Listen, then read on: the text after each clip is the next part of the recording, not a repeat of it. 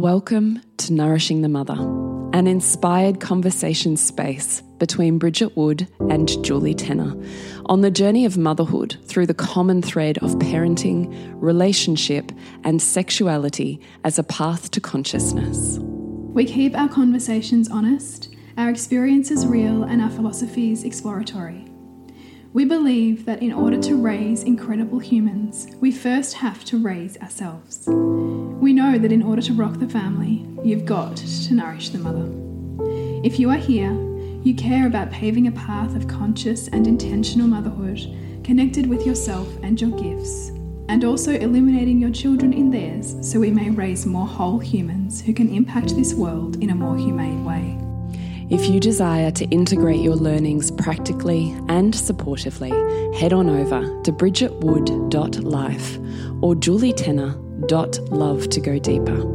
And for all live streamed, pre release podcasts and all our free content, head over to our free Facebook group, Nourishing the Mother with Bridget Wood and Julie Tenner. We are Julie Tenner and Bridget Wood, and we are so grateful you're here. Hello and welcome to Nourishing the Mother. I'm Bridget Wood. And I'm Julie Tenner. And today's podcast is navigating the heavy feelings of love and loss, which is the rites of passage in motherhood. So, this comes from a listener's email who wrote in asking us to dive a little bit deeper into the experience of grief. Yes, she did. So it's beautiful, as I said, endless gratitude for your podcast and all the wisdom shared. It's been such a guide for parenting and my go-to when I'm unsteady in something is to, is to search the podcast history. I was looking for a few things today and couldn't see so much. I thought I'd send some ideas, which we love, right? Because we love that people go to the, go to like, you know, and there's something that if there's something that's not there for you, like reach out. This beautiful listener asked us, you know, how to integrate grief into your life, how to be with it, specifically grief around fertility, miscarriage, and also just the general grief of life that we experience, like aging parents and grief of the end of babyhood. And we just thought, yeah, you probably probably haven't really talked a lot about this, although for so many mothers, it hangs in the air, doesn't it? This through motherhood, it brings to such crystal focus the passage of time and our own mortality and just that sense of needing to soak it up mm. at the same time as grapple with our own overwhelm or grapple with our feelings of just wanting solitude, even in the face of babyhood rapidly leaving our, our world. Yeah. I mean, it's massive, right? And we just want to say that not all of us will identify with the word grief.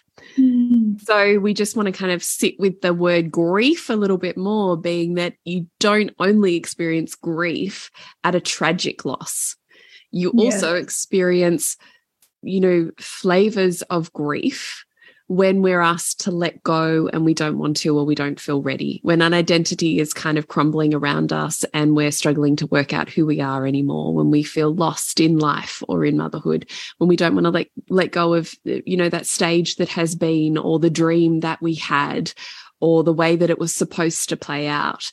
Whenever we feel that almost disappointment that uh, that asks us to let go of something that we had held onto or dreamed about or wished about or longed for or loved that's a type of grief yeah yeah it's it's an identity grief in many ways and I think we, there's so much value in us giving presence to this because we're certainly socialized, and I recognize I've done this many times. You know, I, I should just be grateful, or I should just look at all that I have. And what that does is it it tells us it's not worthy or safe or or even okay to experience what we're experiencing. That we should somehow be better than this mm. which doesn't give us an opportunity to really explore the wisdom in it and explore you know the part the pieces of our heart that we get to find in this heaviness. Yes so, what we want to do is hit you up with our four concepts or steps that we perceive answers this listener's question in terms of how do we integrate grief into our own lives? How do we let that be part of our lived experience and let it change us in a way that feels really aligned and beautiful rather than feeling like we're held back or we're somehow shutting down pieces of ourselves. How do we actually integrate it as part of our human and mother experience? So we have four steps with that. The first one is allowing your experience. Mm. So you have to allow it first, right? You have to have a framework in your own mind that says this is part of my experience and it has meaning and it has purpose. Mm. It's not this random experience that I'm being sideswept by and is somehow in the way. Mm.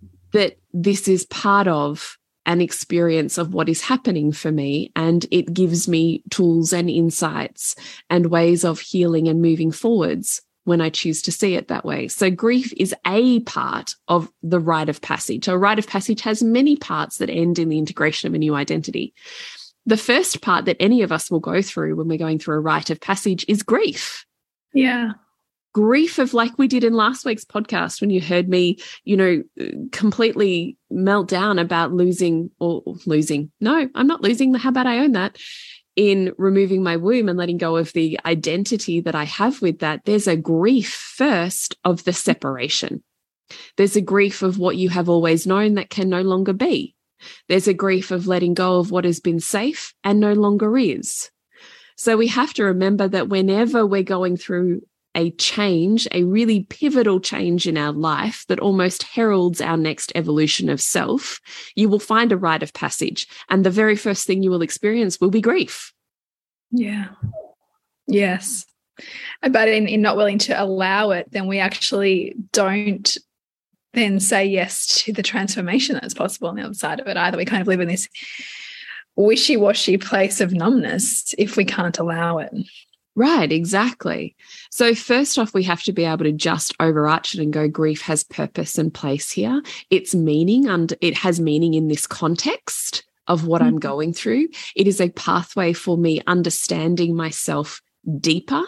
So, it's a really beautiful invitation into everything that I'm calling in and that I want we have to have a level of comfort with grief kind of helping us pull apart and separate the parts that we are letting go of and can leave behind and the parts that we want to carry forward. Grief is just a wonderful invitation into the self. What am I grieving? What is happening here for me? What is present for me here?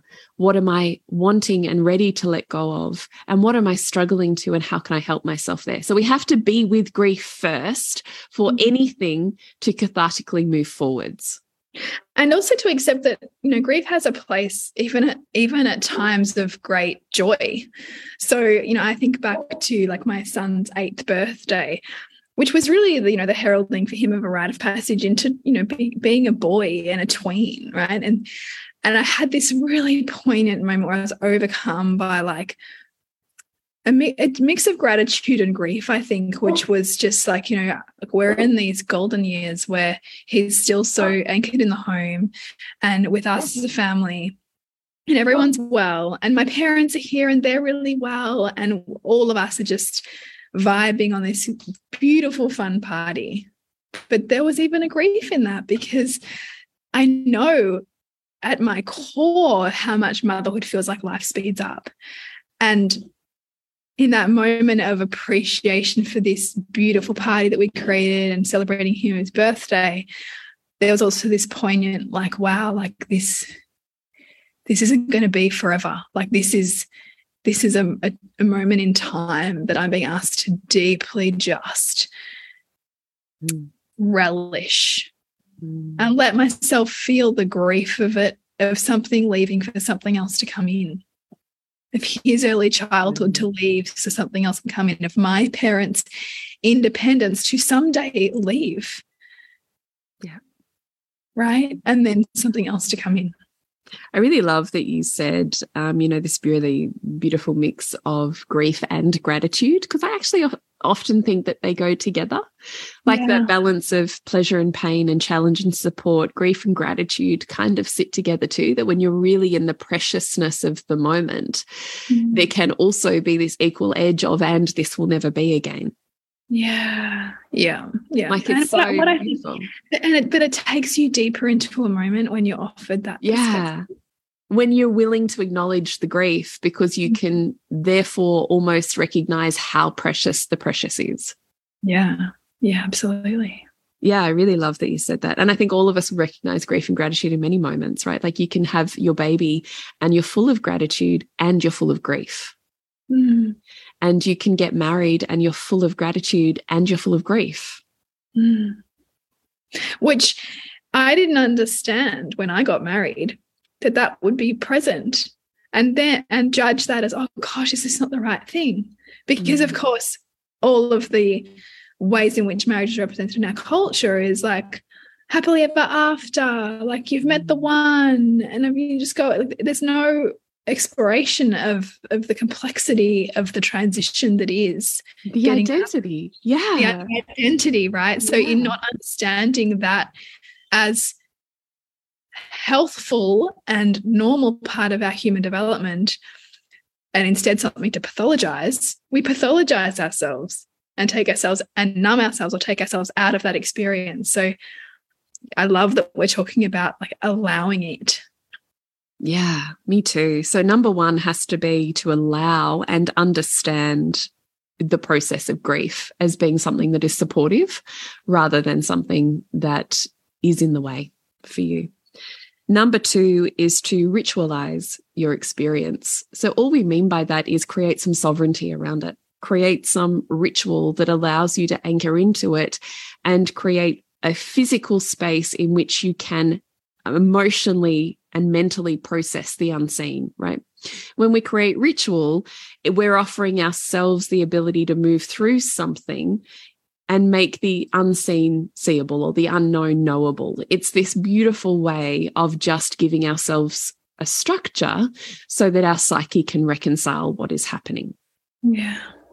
So I love the idea of ritualizing what we're grieving. So whether that's a women's circle for you, whether that's a cup of tea and a candle and burning what you want to let go of, or, you know, planting some seeds and lighting what you're looking forward to, or planting a tree in reverence of who you've been, or, you know, sharing a cup of tea with, with your favorite tree in your house. And, you know, as you throw out you know the last bits of your tea leaves just really recognizing what you're letting go of or journaling or meditating or moving your body or you know like how do you create a sense of how do i make this moment and honor what i'm going through in a slower more integrated way? Mm. number 3 is support your body to be with the intensity. Yeah.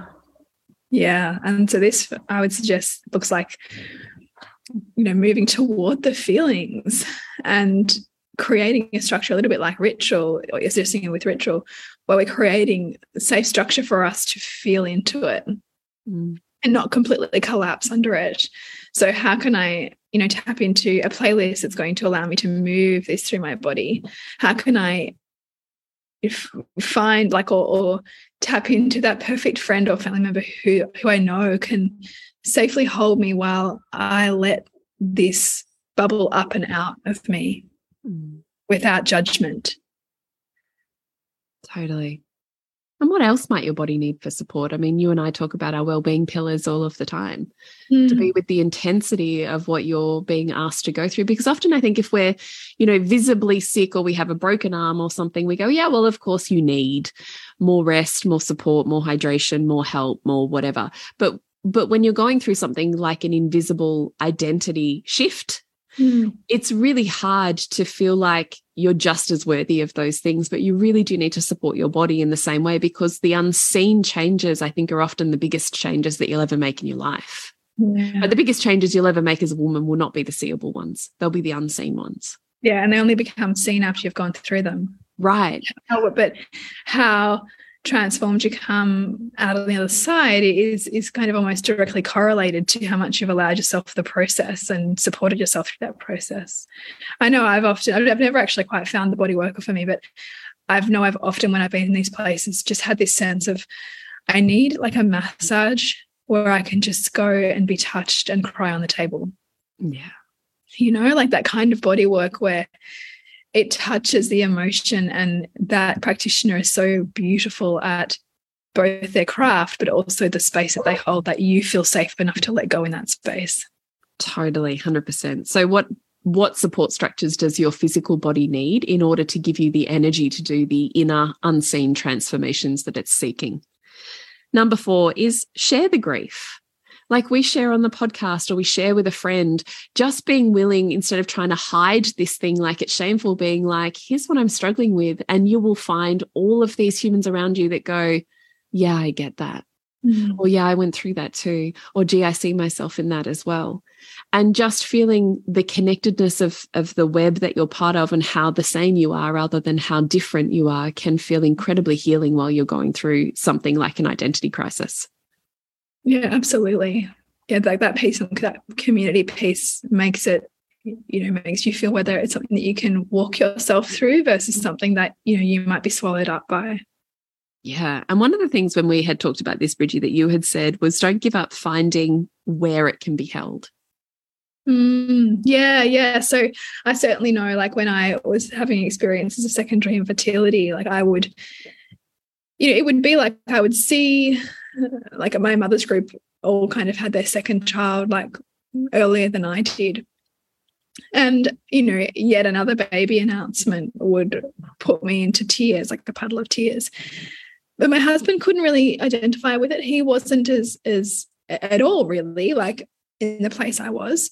so because he wasn't as good then as he is now at holding space, he minimized my experience and just couldn't really hear it. And I remember feeling so crushingly isolated in that moment, but also like knowing enough to know, and I know like this needs honoring. And so finding where that can be honored, even if it can't be where you think it can should be, right? Like in your intimate relationship or somebody else who, who you would otherwise trust, is to look for where it can be held. Yeah. And don't give up because yeah. there is people, spaces, and places. So don't give up. Mm. We're just jumping in to let you know what is happening in the worlds of bridgetwood.life and julietenner.love in case there's a little opening for you to jump in and expand your life a little bit deeper. So, what's happening in your world, Bridge? It's Disrupt Revealing the Mother Wound. So it is a four module course supported by integration calls and a women's circle to really help you reveal the ways in which the mother wound is impacting your life right now and your parenting and provide you more freedom and spaciousness in your mothering journey. And you, Jules? Is Queen School. So Queen School is now a online course with four full modules that you are self-paced and work your way through, combined with 12 months of really stretching that out as I help you really integrate, embody, and move through the blocks so that you can literally become Queen School in your life. So Queen School is all about connection, pleasure, sensuality, magnetic communication, feminine energy, and embodiment with me over over now a beautifully integrated 12 month experience. So you can find out more at julietenner.love. So maybe we talk specifics around how we integrate grief into our lives around fertility and miscarriage. Yeah. Yeah, it just takes me back. Like, so it's such a big. So I, like, you know, I certainly was like, yeah, once our baby turns 12 months, like, we're going to start trying for another. Anyway, I didn't get a period for two and a half years. And so all through that journey was like this sense of like, is this ever going to happen again? And I'm yearning so much for this thing, and all I feel is its absence. And how can I both love where I'm at and balance out that yearning for where I want to be without that yearning taking me completely out of the present? And so for me, it was having the supports to do what I felt like I could do, which was, you know, have the acupuncture and, you know, do the lifestyle things that I thought might support bringing my period back. But to also really look for other ways that my spirit could be nourished and uh, like um I don't know, Boyd, right? Like, you know, could my rite of passage or could my expansion be a different form to the way that I'm I'm trying to make to shoehorn it into right now, which is in the form of this second child, for example, or is in the form of this baby that was supposed to be here now in the case of a miscarriage. And so in those times it was things like you know, in what ways is my fertility present? You know, where can I explore all of the ways in which it is to balance out where it's not for me right now. So in the infertility journey, it can look like it's constantly not working, but where am I fertile? Where am I expanded? Where am I alive? Where is my body functioning? And in the case of miscarriage, it's like when you what other frontiers are there for me to explore that allow me to birth parts of myself if I'm not birthing this baby that I yearned for? And so in that case, we traveled to Europe. And so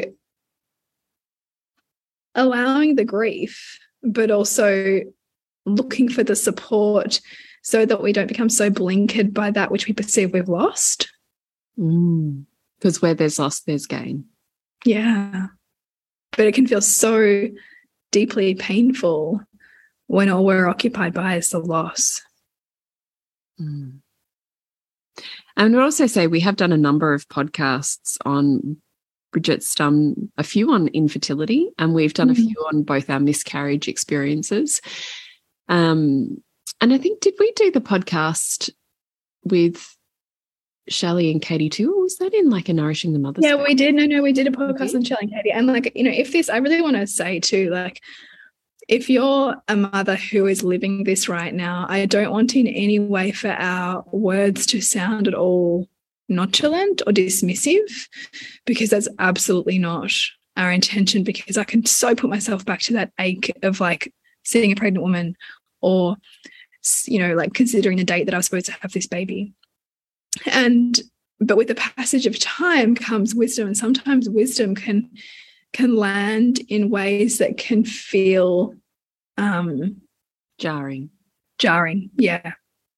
Because I'm talking about experiences now that would, you know, 10 years ago or seven years ago. And so, with the wisdom over that time, I can speak with much less emotion.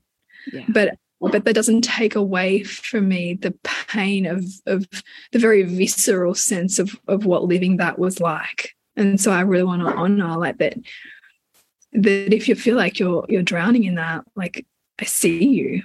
Mm. yeah. Yeah. I really love that you said that. Then there's the grief of endings like the end of childhood mm. the end of babyhood, the end of toddlerhood, the end of the fertility season, whatever it is for you. There's all these micro and you shared the kind of that eight year old cusp, that realization that childhood is ending and a new mm. phase is beginning.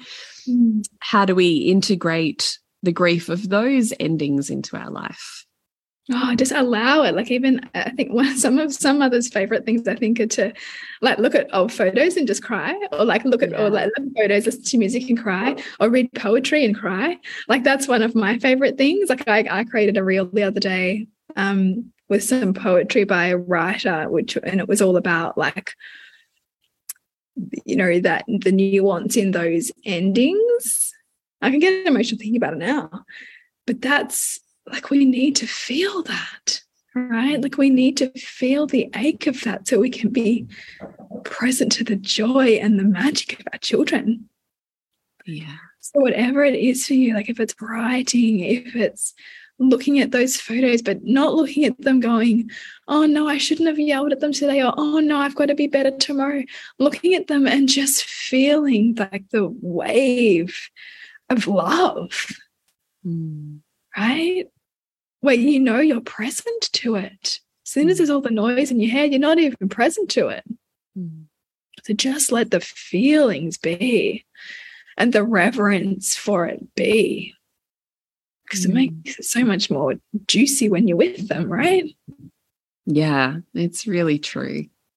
It's really true. I love that. I do. I don't know if I've got anything else to to add to it. Other than exactly what you're saying, I just really let myself have pockets of time where I can honor that grief that I'm feeling and be like, I'm really sad to miss this bit. Yeah. And I do share that stuff with my kids. Like every year on their birthday, I tell them their birth story. Yeah, it's so beautiful. You know, and, you know, they, they have these moments where they're just, it's such a perfect moment, not because it's anything extraordinary, but because it's completely ordinary. And I'm just floored by how, how, how much grace and perfection is in this moment. I share that with them. Mm. Like my son will often go, Why are you staring at me? You just, it's so beautiful right now. You know, and you just let yourself share that. And there's love in that. There's the remembrance of, of just how beautiful this life is that you're creating. Yeah. Because you do collect those moments, those moments that you spend time macerating in. Like, I do think that's what endings give us the permission to do is slow down time.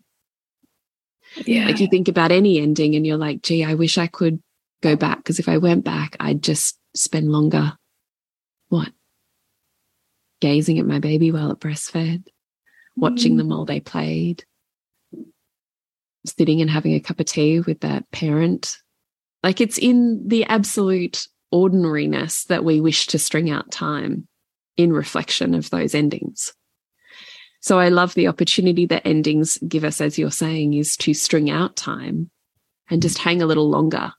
Because the longer you hang there and the more vivid you can make that memory, the more it kind of stays like a pearl on your necklace of memories when you look over your life. Yeah. You try and rush through it, it's probably hard to remember. Well, you're not really, it's like you're not as there as much, right? You're not in your body, so you don't get to like craft that beautiful cellular memory of it because you're, you're just moving through it so quickly. Yeah. Yeah. I think writing as well, writing stories about how you've loved this phase of life with them and write to each child in their own book or letter or whatever it is for you, what you loved about them as a baby, what you're going to miss and what you Mm. look forward to, what you loved about them as a toddler and what you're going to miss and what you're going to look forward to. Of course, I would tend to pepper that with also how fucking hard it was and what an asshole they were. But, you know, also you could just do that. do you do that? I know because you and I both got these school books, like we do your Yeah. kids' school. But do you keep this separate to that? Yeah, I do. I do have that separate. Yeah. So I do have the, you know, those school years kind of thing, but I have a separate book for each of them that I just write in randomly when they've said funny things or, you know, stuff has Mhm. happened. And I just kind of document a little bit of that space and time. It's beautiful. So, and I do, you know, I do document the stuff that, that, is less than shiny too because it, it is also beautiful it also Yeah. makes me smile as i remember it and it also makes me not so nostalgically hold on to that rose colored glasses version of that life That's true too. That's helpful because that's what when we're, when we're like longing for something, we're often longing for what the part that we infatuated with. We're not longing for like that like furiously frustrating part of them. yeah we we fit right when we're stuck in nostalgia we have completely wiped out of our memory bank all of the shit that was fucking brutal Yeah. that equilibrated the joy and the love they are both present Yes. one version of life is not better than another version of life. They're just two different shit shows. Yeah. So don't reference. forget, as you're being nostalgic, to remember the shit show. What do you perceive is missing? Where was that present? Where is that present now? Mm. Yeah, it's such So- a reminder. I do really like to just remember that with, you know, a little bit of irony.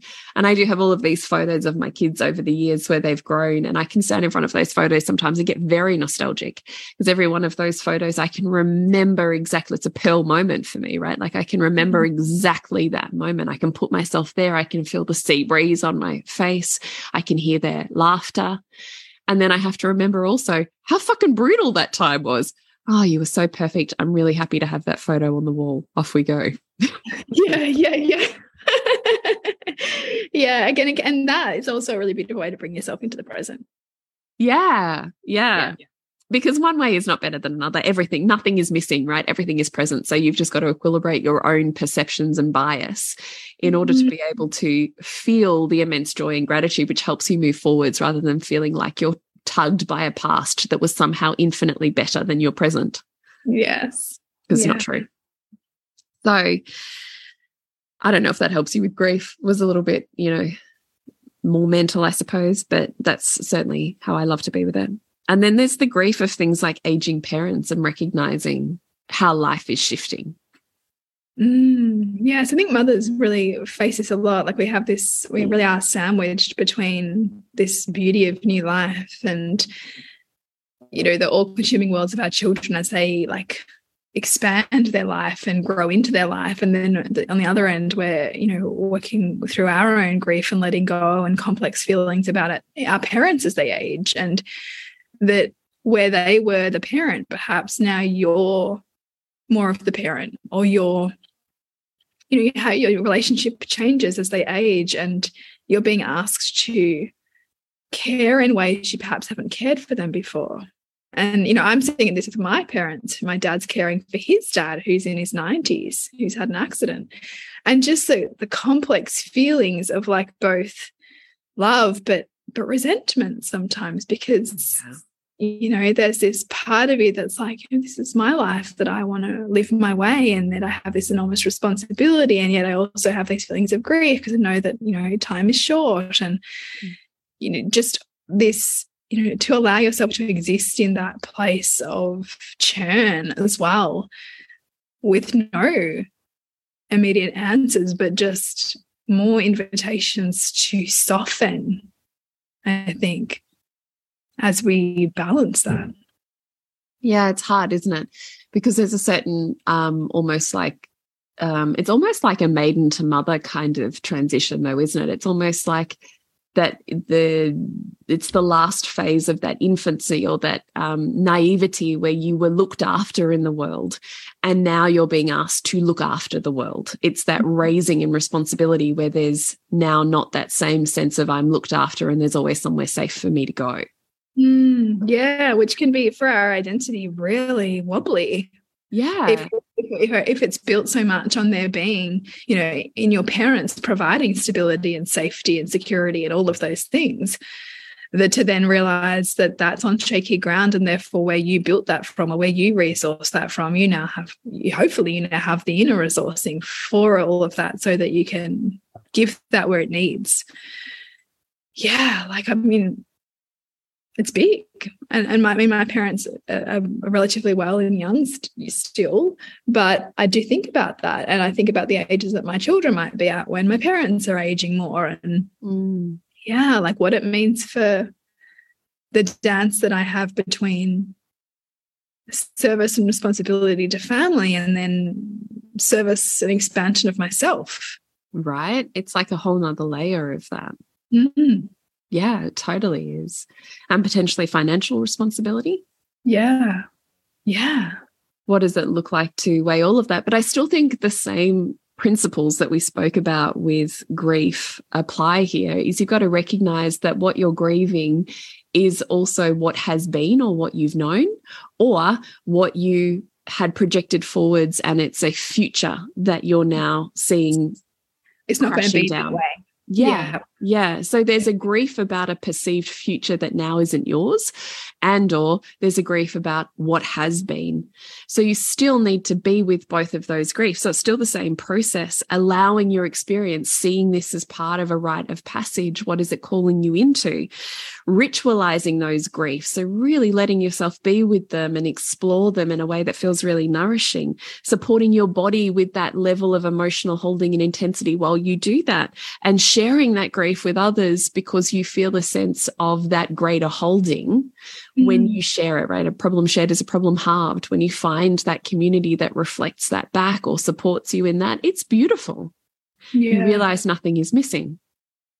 But it's okay to say, I, I thought it was going to be this way and it's not. And I have grief about that. Mm.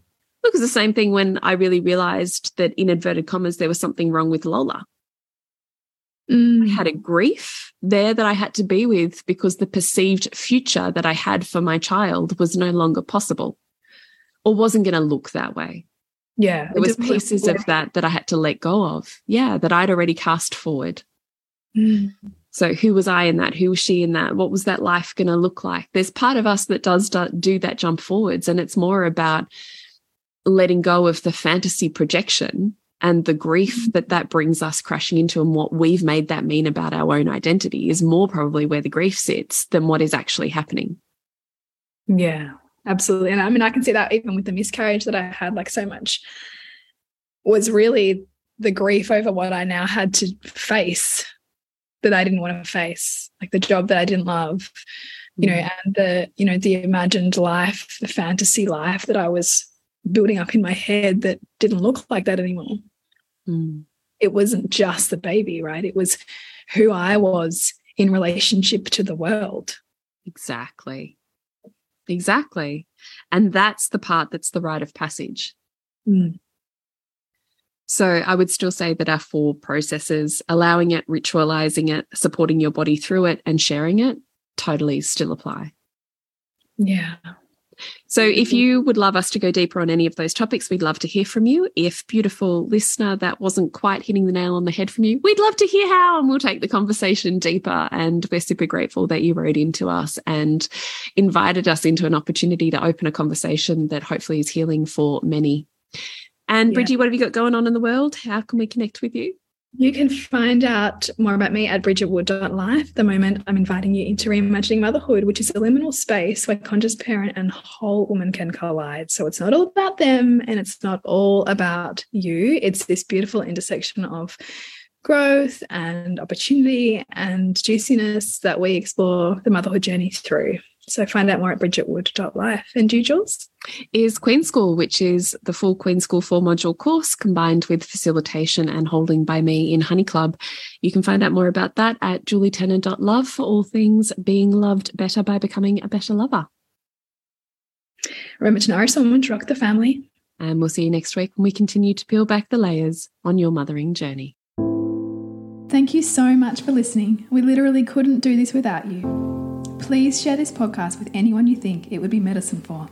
If you desire to integrate your learnings practically and supportively into your life, then head on over to bridgetwood.life or julietenner.love to go deeper. And if you feel like giving back a little to this free content, please rate us on iTunes or Facebook, all of which helps the podcast reach more mamas who need this type of tonic for the soul.